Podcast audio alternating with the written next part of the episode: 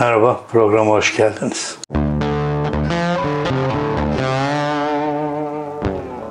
Öncelikle dünkü e, aksaklığı ve gelen e, yanıtlara bir kısa cevap vermek istiyorum. Oğlumun beni kaç kez uyarmasına rağmen e, ben klavyeyi kaldırmadım. Klavyeyi kaldırmayınca e, bu aldığımız son kamera çok hassas olduğundan ve okur yazar olduğundan aileden geliyor herhalde. Harflere odaklanıyor ve beni e, flu gösteriyor. Benim bu güzel suratıma odaklanmıyor nedense.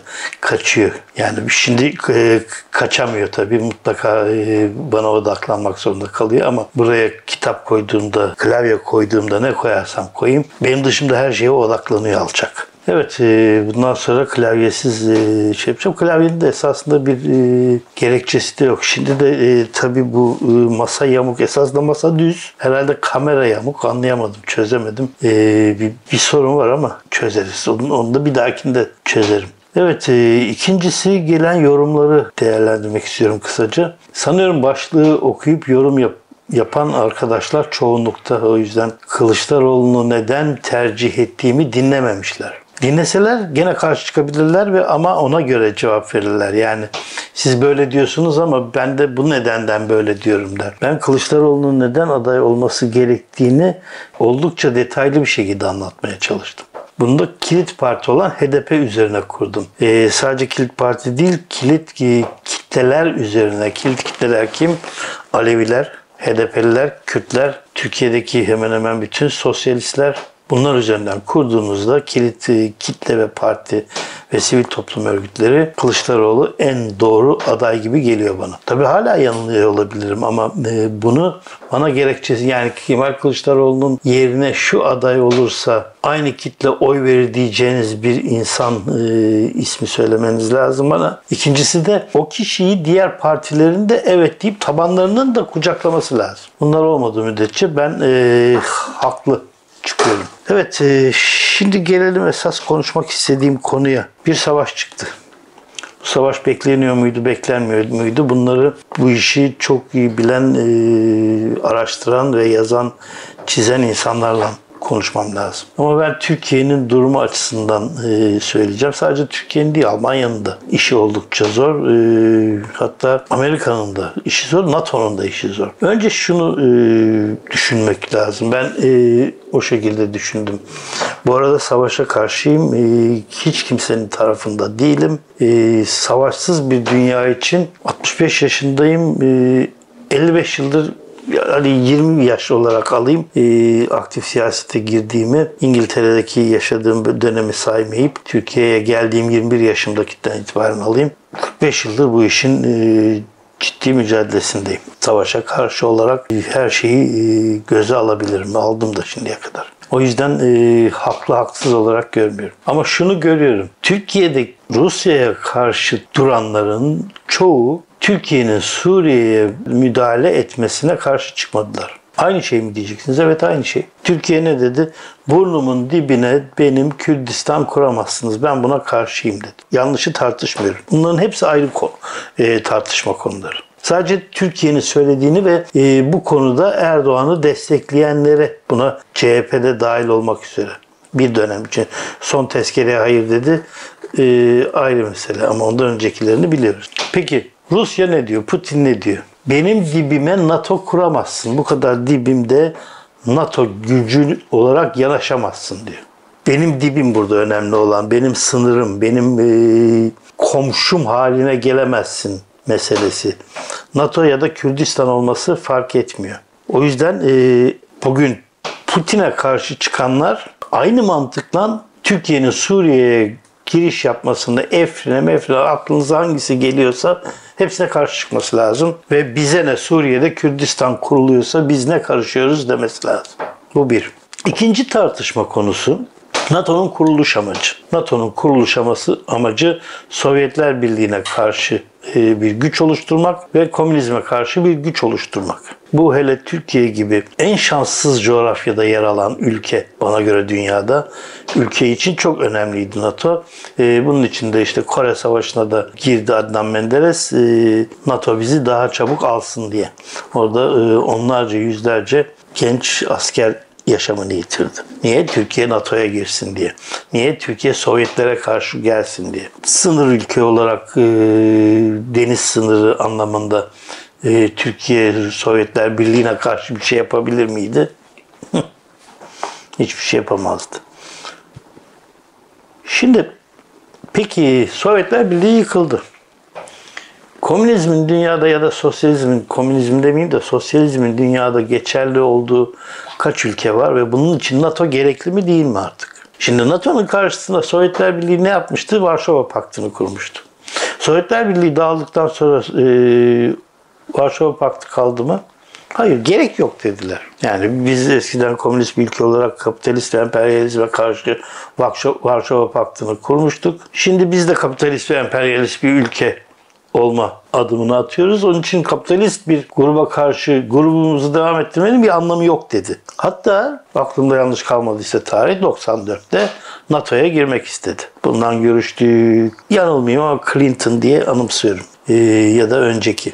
Ve reddedildi. Şimdi e, Sovyet bloğundan gelen bir takım ülkeleri e, NATO'ya kabul eden NATO Rusya'ya karşı çıktı. Olabilir. Onun e, karşılığında diyebilir miyiz bilmiyorum ama Şengay Beşlisi kuruldu işte İran, Çin ve Rusya'nın ağırlıklı olduğu. Şimdi bu mantıkla baktığımızda NATO hala niye var?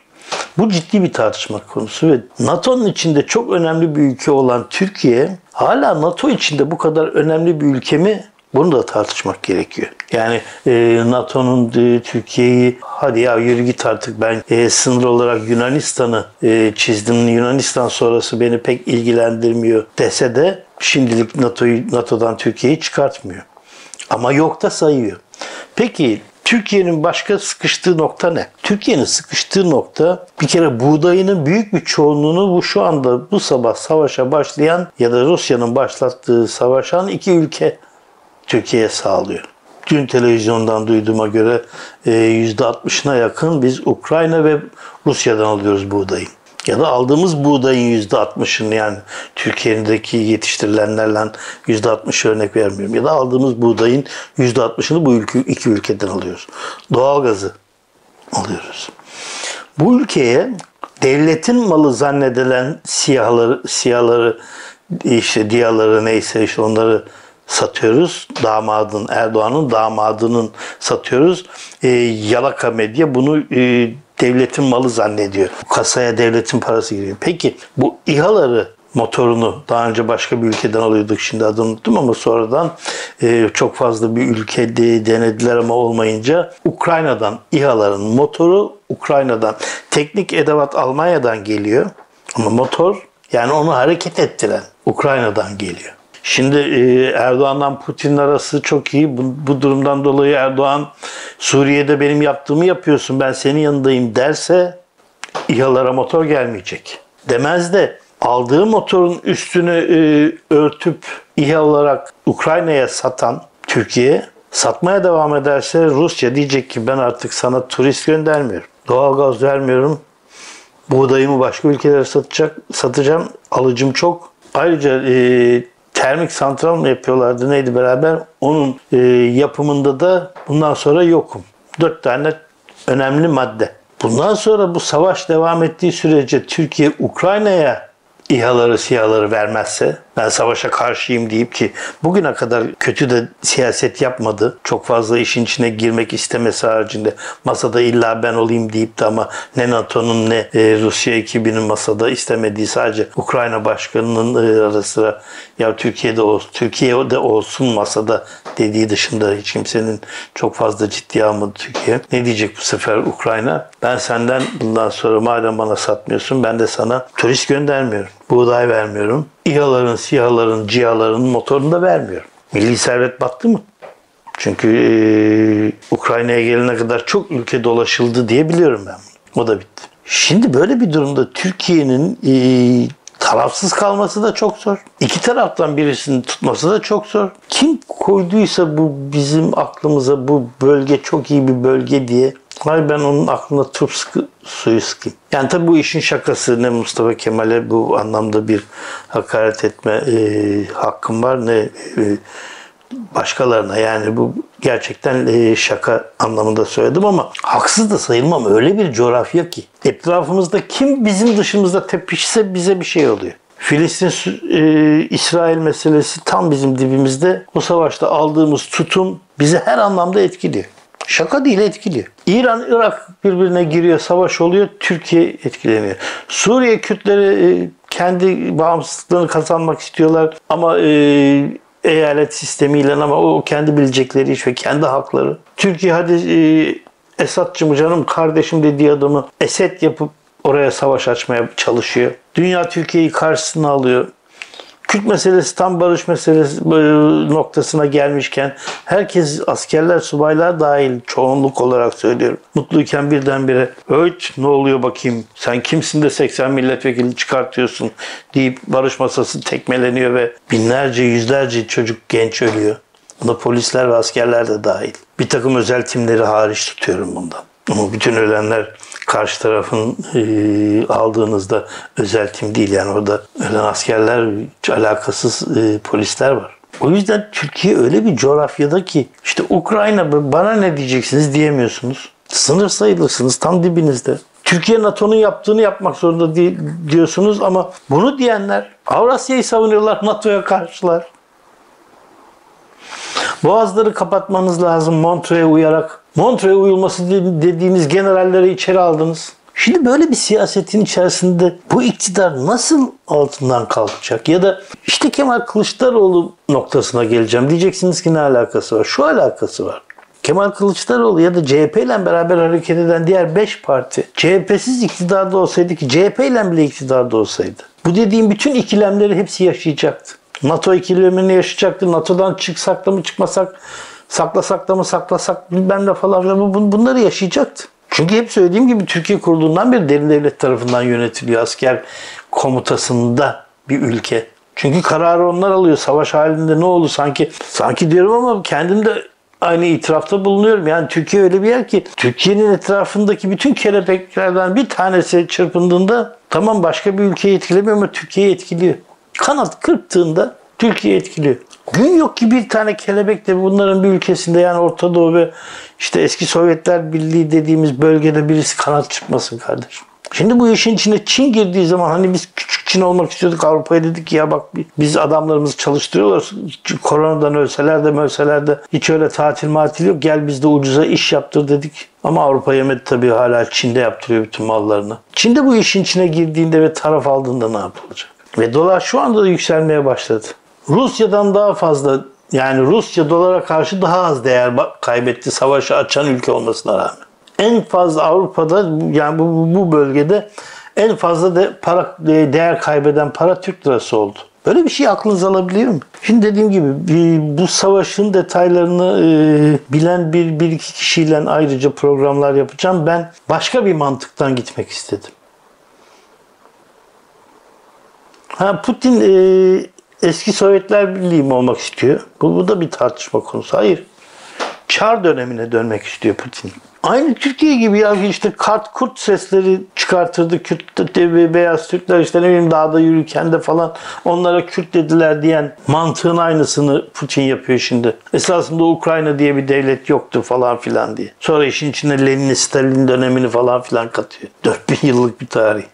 Ha tamam girdiği bölge Rusların daha ağırlıklı olduğu bir bölge. Ya da bağımsızlığını ilan ettiği söylenen iki bölge Rusların daha ağırlıklı olduğu bir bölge. Ama yine söylüyorum bunları tartışmıyorum. Bunlar ayrı şeyler. Şimdi Almanya ne yapacak? Almanya bugün ilginç bir şekilde saat ücretlerini 8 lira yani bunun yuvarlak hesapları da var da şimdi aklımda değil. Bir saatlik e, çalışma ücretini 8 liradan 12 euroya çıkarttı. Onun için bundan sonra Avrupa'da konuşan şey Avrupa'yı enflasyonunu konuşan e, yalakalar, tüp gazeteciler dikkatli olsunlar. Bu sabah ilan etti Almanya. Neye rağmen ilan etti? Rusya'ya karşı tavır aldığında Rusya hemen hemen e, Almanya'nın doğalgazının büyük bir çoğunluğunu ver, veriyor olmasına rağmen. Kişiler üzerinden e, Amerika tar- tavır koydu. E, Avrupa Birliği de o tavır koyacakmış. İngiltere de o tavır koyacakmış. Neymiş efendim işte Abramovich mi dedi Chelsea'nin başındaki adam ona mı tavır koyacaksın? 3-5 e, milyarder ve oligarkla bu işi çözecek misiniz? Kapitalizm böyle bir şey işte. işte bir takım e, ülkelerdeki bu hele Azerbaycan Ermenistan savaş kısa savaşımında İHA'ları SİHA'ları yere sığdıramayanlar. Şimdilik sadece dört tane İHA düşürülmüş. Şunu hiçbir zaman unutmayın. Bakalım bundan sonra ne yapacaksınız? Yani hiçbir zaman istediğim şeyler değil. Dediğim gibi savaşa başından sonuna karşıyım. Ama Rus savunma sanayi, hava savunma sanayi dünyada birinci. Türkiye durup dururken S-400 tartışmasına girmedi. Hem NATO ile hem Amerika ile. O Rus savunma, hava savunma sanayine karşı bakalım o e, yere göre sığdıramadığınız, dünyada birinciyiz dediğiniz İHA'lar, SİHA'lar ne yapacak? Ve dediğim gibi umarım o savaş birdenbire biter. Çünkü benim umurumda olan o İHA'ların, SİHA'ların düşürülmesi ya da düşürülmemesi değil. Bombalanmanın devam etmesi ve çoluğun, çocuğun, kadının, yaşlının, e, gencin, herkesin her saniye ölebilecek olması beni ilgilendiren.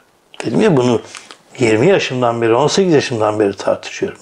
İşte e, Suriye Savaşı e, üzerine Türkiye savaşa girdiğinde Barış Harekatı, hepsinin adı Barış Harekatı. Rusya da barış için giriyor. Türkiye'de Kıbrıs Barış Harekatı diye girmişti. İnsan öldürmenin adını barış koydu mu, darbelere de demokrasi dedi mi, her şeyi çözdüklerini zaten bu oligarşi işte. Ben bir de böyle e, sinirlendiğimde biraz es veriyorum, konuşamıyorum çünkü gerçekten çocuklar ölecek. Kadınlar, insanlar, savaşla hiçbir alakası olmayan insan haklarını düşünen insanlar ölecek. Sonra ne olacak? Önemli bir ülke seçilecek. Orada dörtlü beşli ülkeler oturup toplanacak. Sen ne kadar kar ettin masa altında bu konuşulacak. Sen ne kadar kar ettin sen oraya ne sattın. Bunlar konuşulacak. Sonra masanın üstüne çıkacak biz barışıyoruz diyecekler. Ertesi gün Türkiye 200 tane daha siyah bir ciha satacak. Öbürü o tankını satacak. Almanya Leopard satacak. O noktaya gelecek ki aynen Fransa'nın birinci Körfez Savaşı'nda yaşadığı noktada olacağız. Bütün Avrupa ülkeleri Amerika ile beraber e, Küveyt sonrası Irak'a saldırdığında Fransızlar uçaklarını gönderiyorlar ve bütün tankların her sabaha kadar oturduk televizyonlarda savaş izledik anımsay anımsayın benim yaşımdakiler. Her gün Fransız gazetelerinde, televizyonlarında şu kadar tank vurduk, bu kadar tank vurduk falan savaş bitti. Ortaya ne çıktı biliyor musunuz? Fransa'nın Irak'a Saddam'a sattığı plastik tankları, kendi plastik sattıkları plastik tankları vurdukları ortaya çıktı. Çünkü hakikilerini Saddam yer altına sokmuş. Ve Fransa kendi ürettiği o plastik tankları, ben plastik diyorum mutlaka başka bir materyaldir ama gerçek tank değil. Aynısı tıpatıp aynısı. Yukarıdan ateş ederken tespit edemiyor plastik olduklarını. Neden biliyor musunuz? Ona göre yapmış. Tespit edemesin düşman uçaklar diye yapmış. Ve onları satmış. Kendisi de tespit edemediğinden kendi yaptıkları tanklara vurmuş. Savaşın sonucu ne mi? İnsanların ölümü dışında böyle bir salaklık işte. Evet, bir programın daha sonuna geldik. Bir dahaki programda görüşmek üzere.